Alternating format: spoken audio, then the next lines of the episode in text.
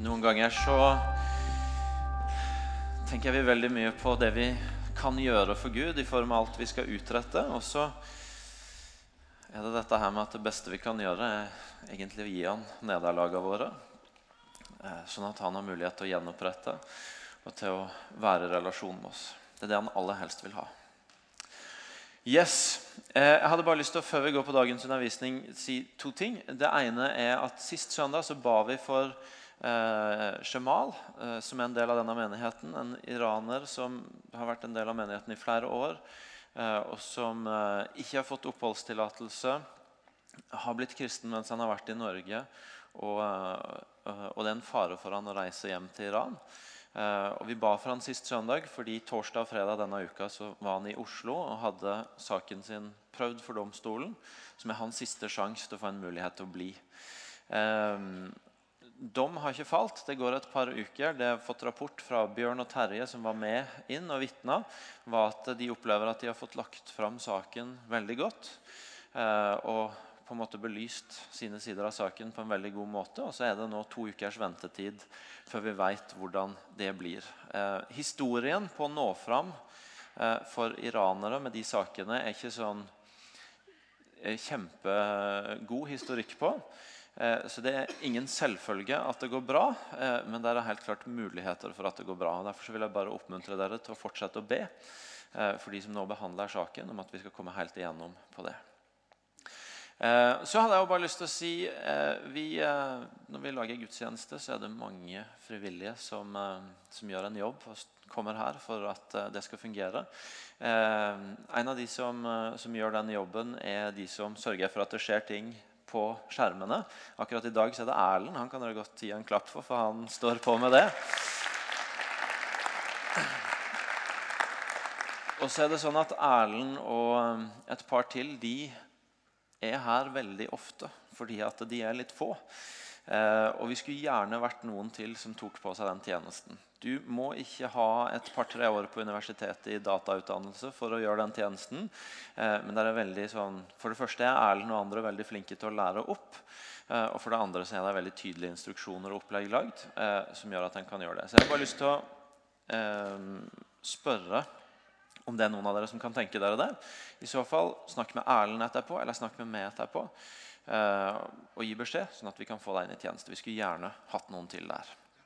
Yes. Da vil jeg be en bønn, og så skal vi gå på dagens undervisning. Jesus, takk for at du er her.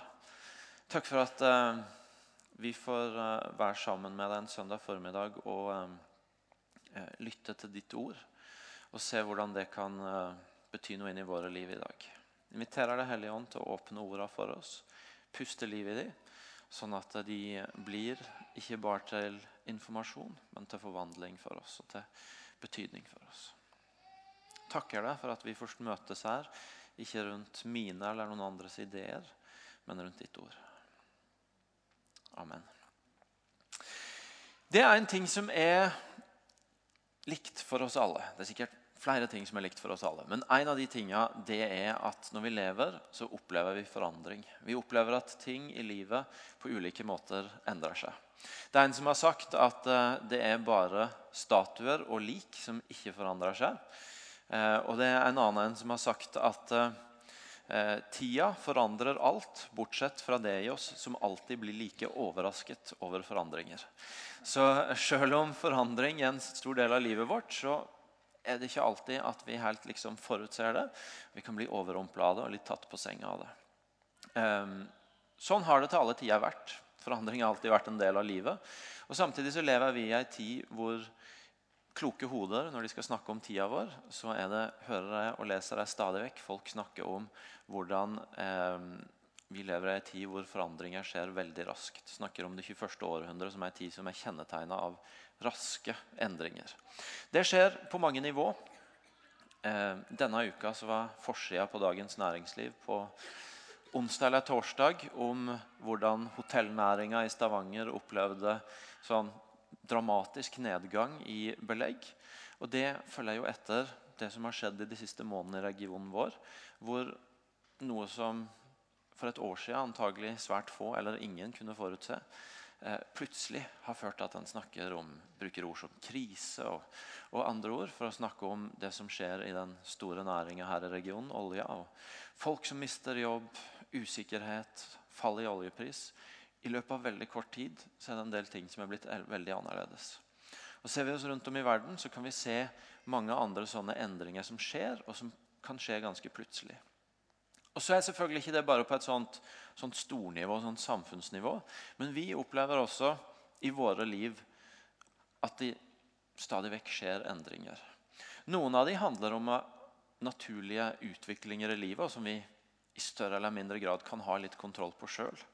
Det skjer forandringer når vi flytter hjemmefra for oss sjøl. Det skjer forandringer når vi går fra studentliv til arbeidsliv.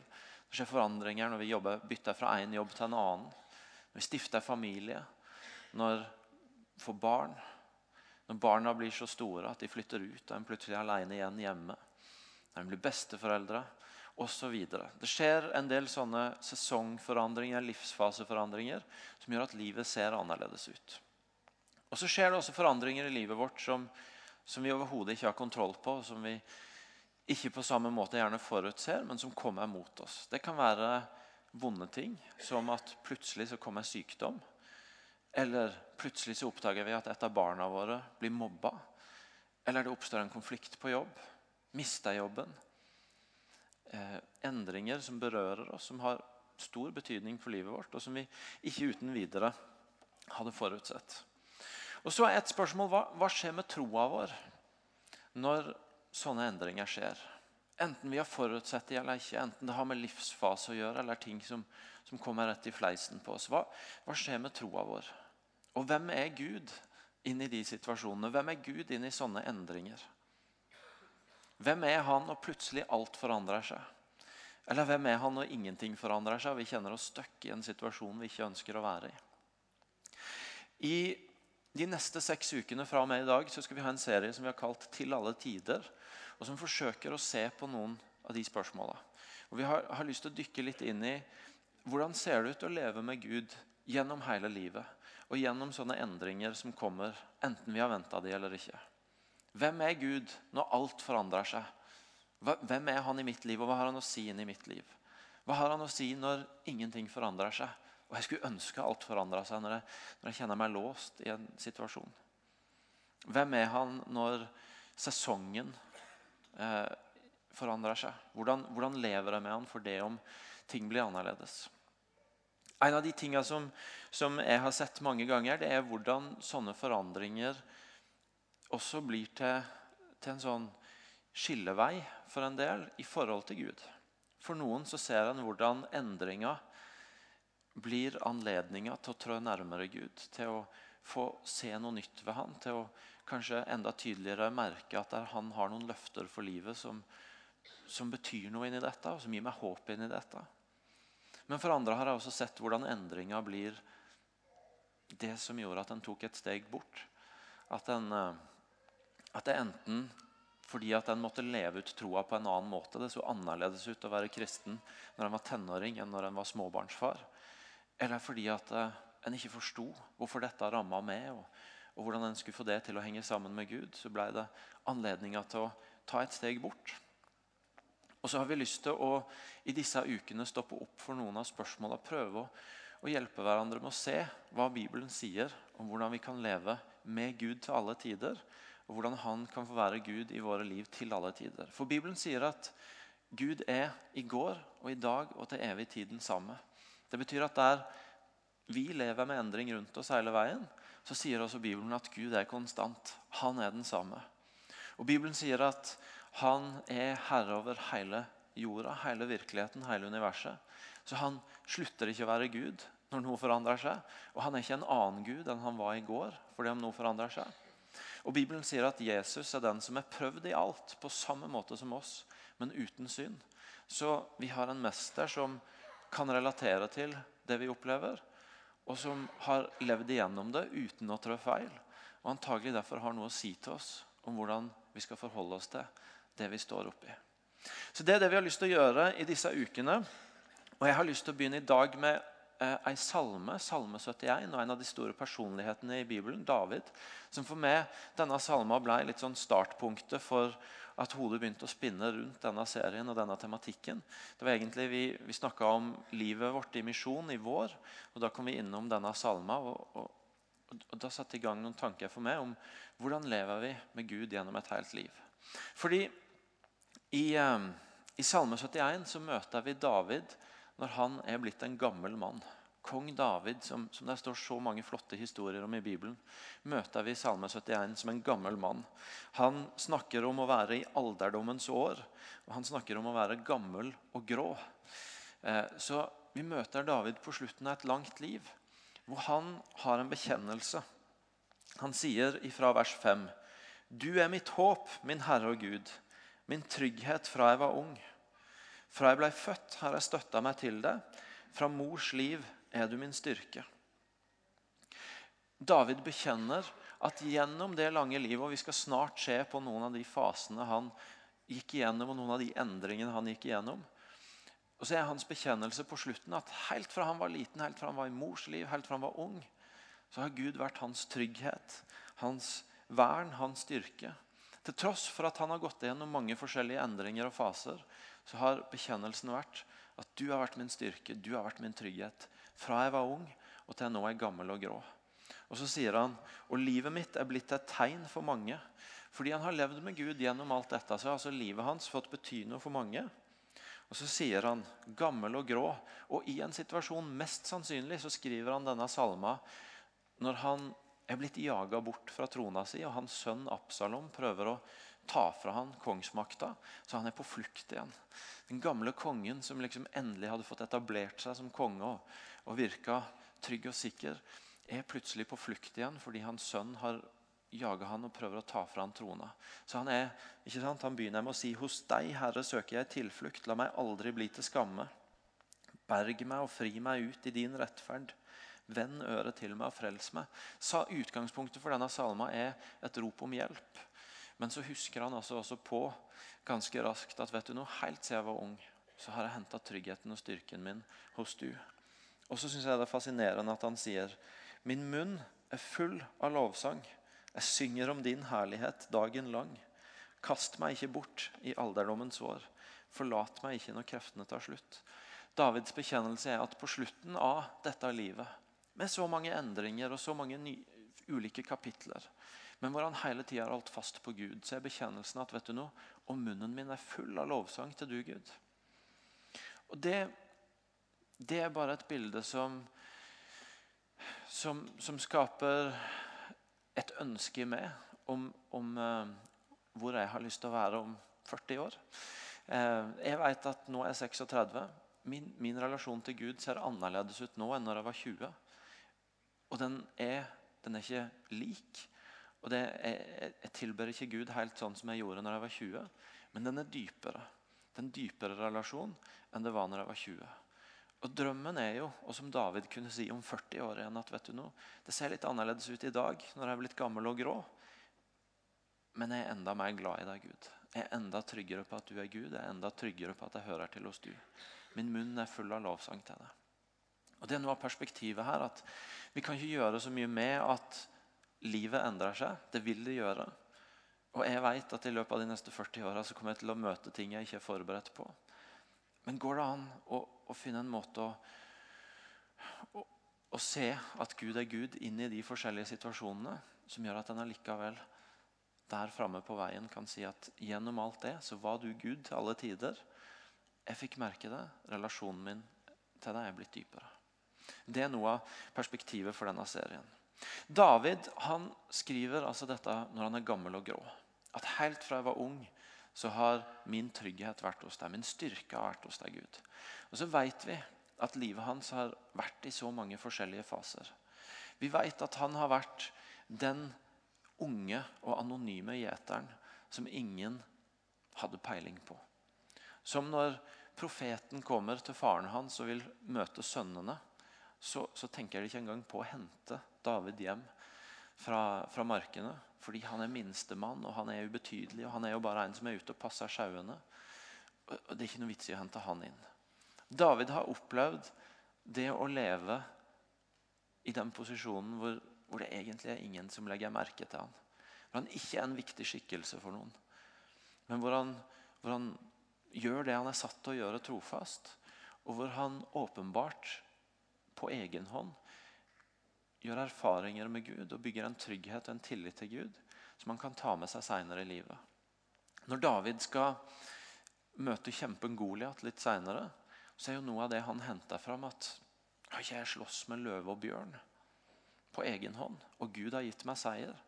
Han har gjort erfaringer av at der alene ute på markene, når ingen så han, og når han var en ubetydelighet, så, så, så bygde Gud en trygghet i han på at Gud er Gud, og på at han var med han, som gjorde han klar til å møte det han seinere skulle møte.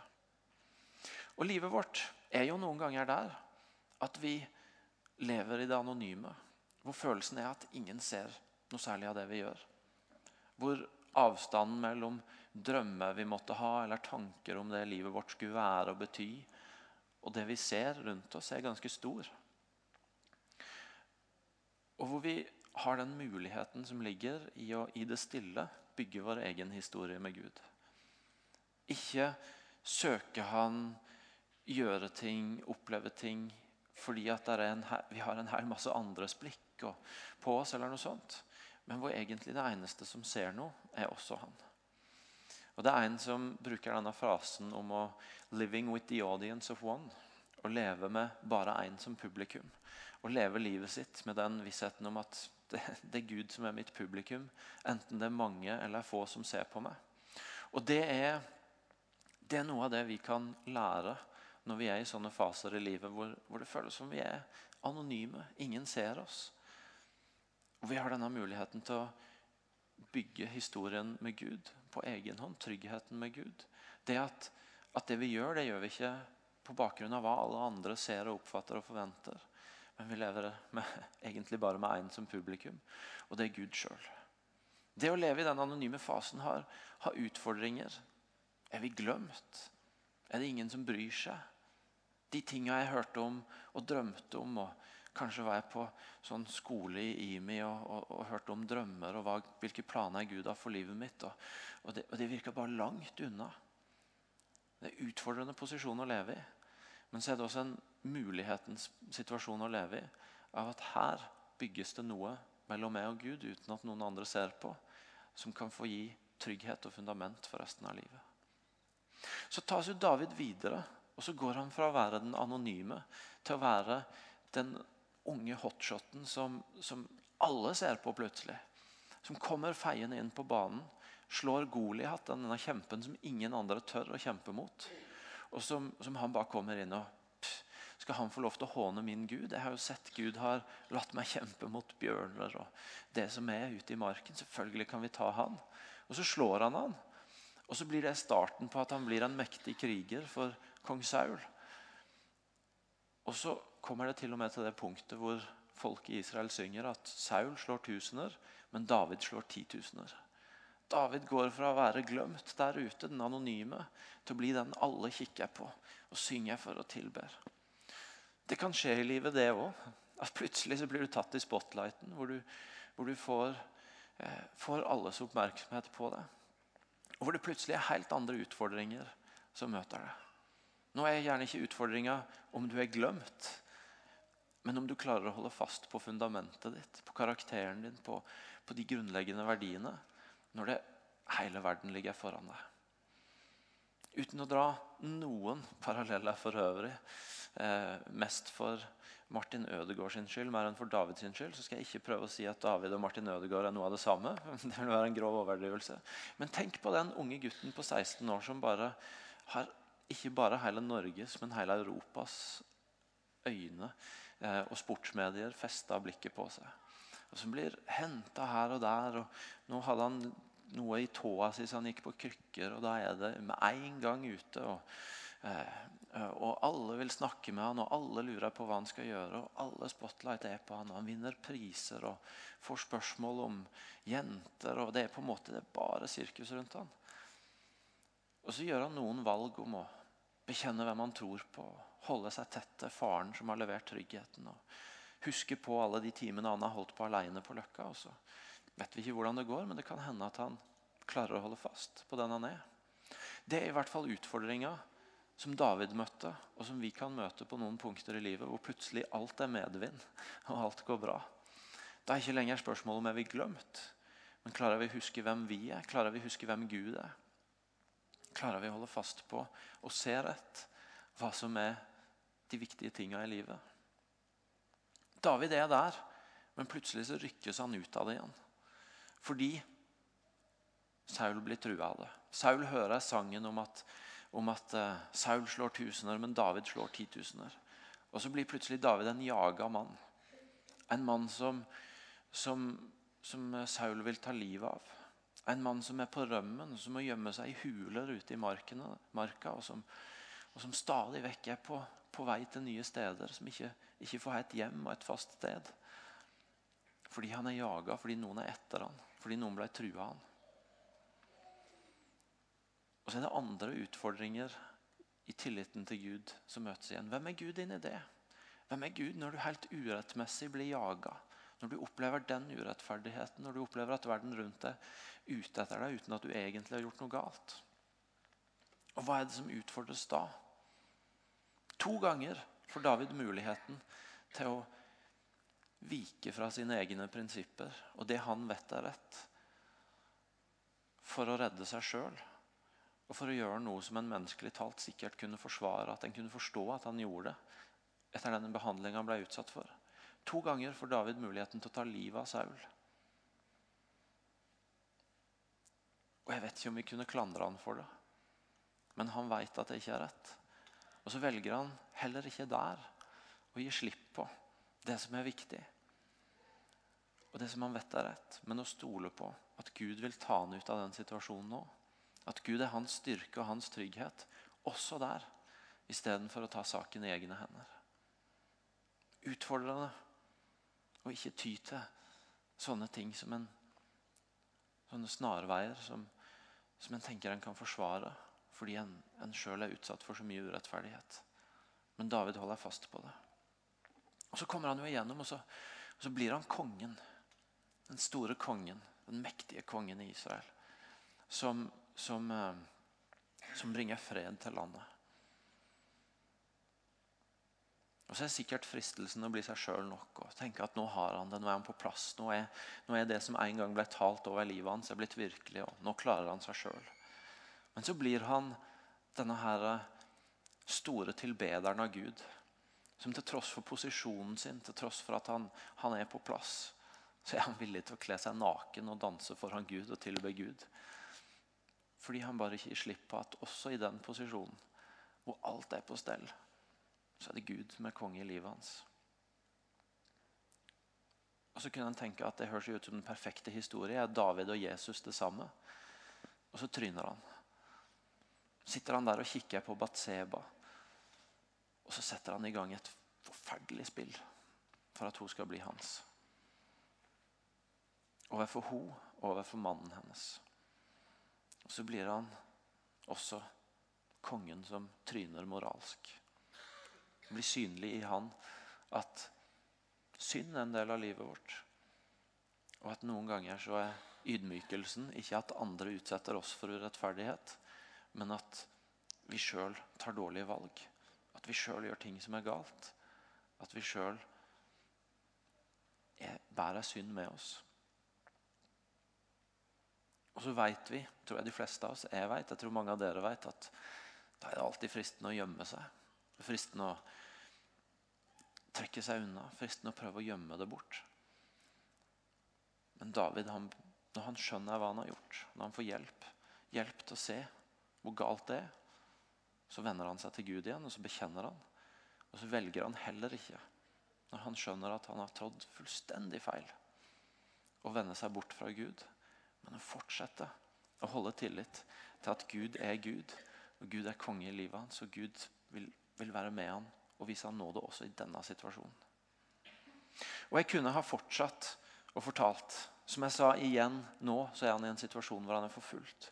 Men det dere får tak i, og som, som på en måte bare skal begynne å tegne opp bildet for disse ukene, det er bildet av en som, som har opplevd så mye forskjellig. Av tap, og seire, av utfordringer og velsignelser.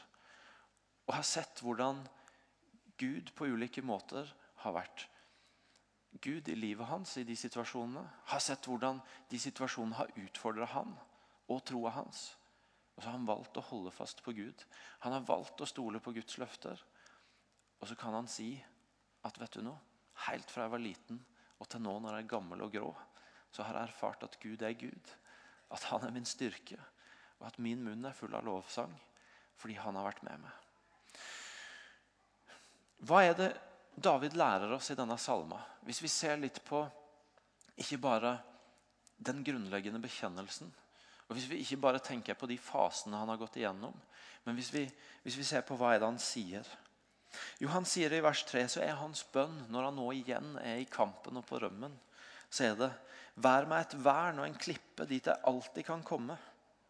Vær meg et vern og en klippe dit jeg alltid kan komme. Det første David ber om, det er kjære Gud, vær det stedet som jeg alltid kan komme til. Vær den jeg alltid kan komme til. Er det noe han har lært, i løpet av dette lange livet med alle de skiftningene, så er det at det best første han kan be om og bør be om, det er Gud.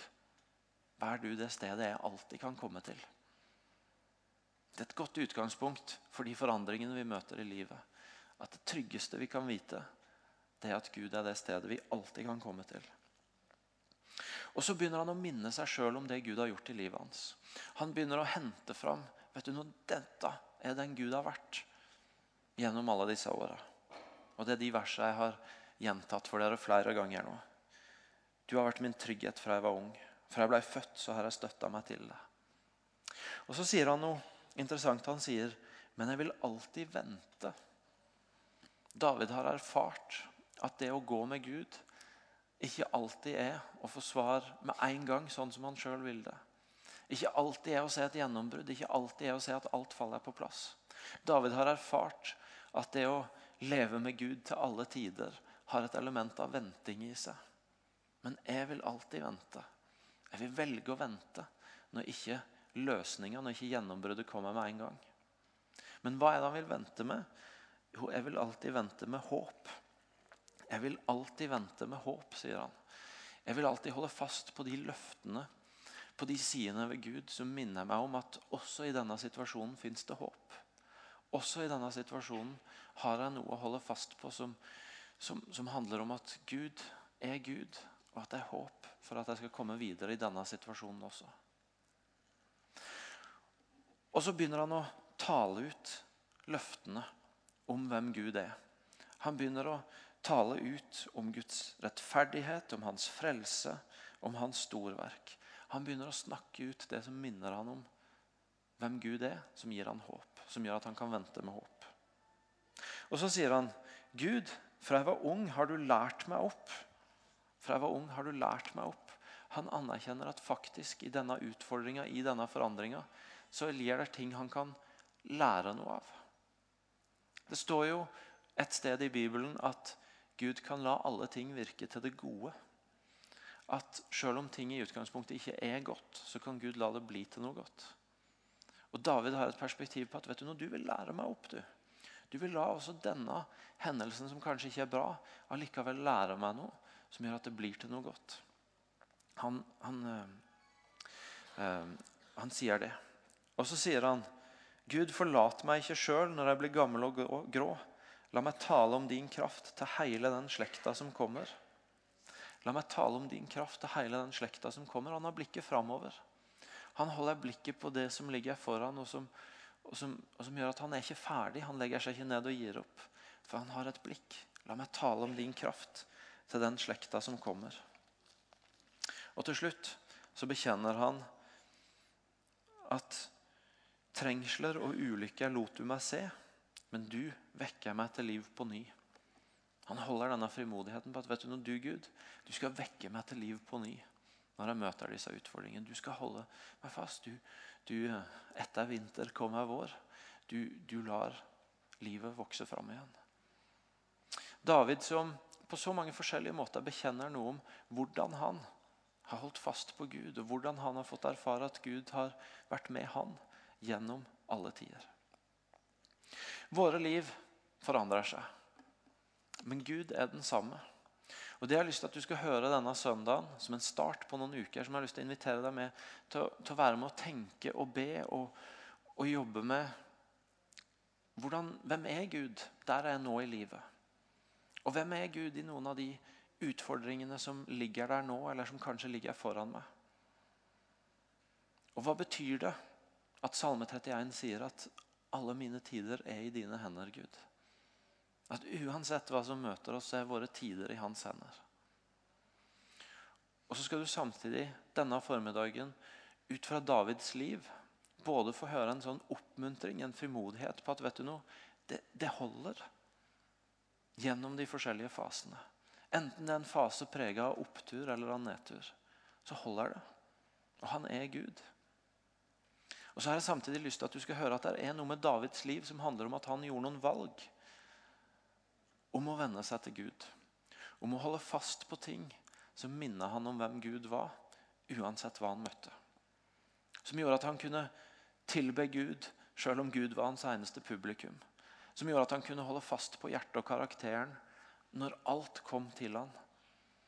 Som gjorde at han kunne droppe snarveiene når han ble frista til det fordi han ble så urettferdig behandla. Og som gjorde at han ikke glemte å tilbe Gud når han hadde alt sjøl. Som gjorde at han var trygg på at var, Gud var fortsatt hans Gud når han hadde tryna så fatalt.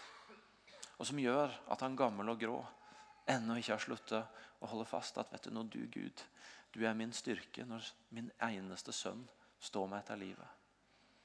Han tok valg om å holde fast, om å vente med håp, om å tale ut det Gud hadde gjort. Og På den måten så fikk han gjennom alle disse fasene leve et liv med Gud til alle tider. Skal vi reise oss opp og be sammen?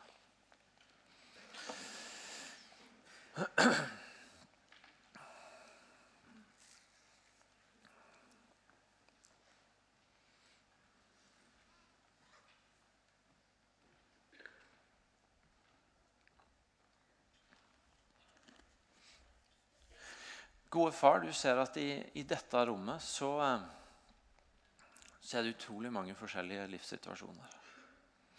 Du ser at i dette rommet så, så er vi mennesker som akkurat nå står i store forandringer.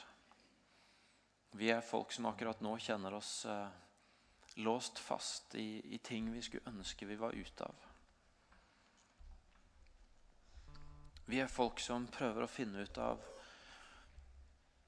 hvordan ser det ut for meg å, å leve med du nå, Gud, når, når så mange ting rundt meg er annerledes?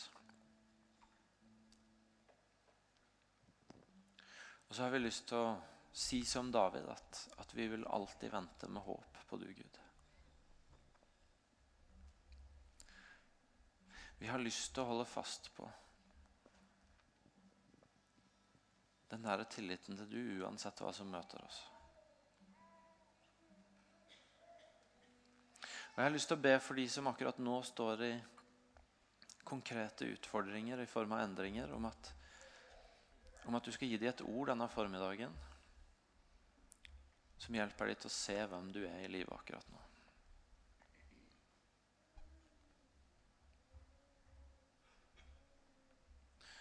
Som hjelper dem til å se om dette er tid for å vente eller for å handle. Som hjelper dem til å se spora av din godhet i det de står i.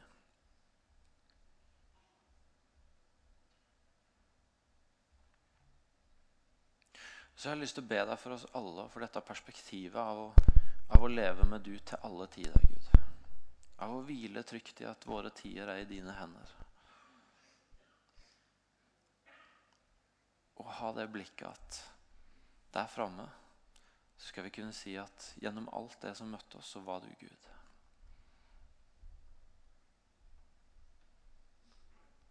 Hmm. La det få være livet vårt, la det få være bekjennelsen vår.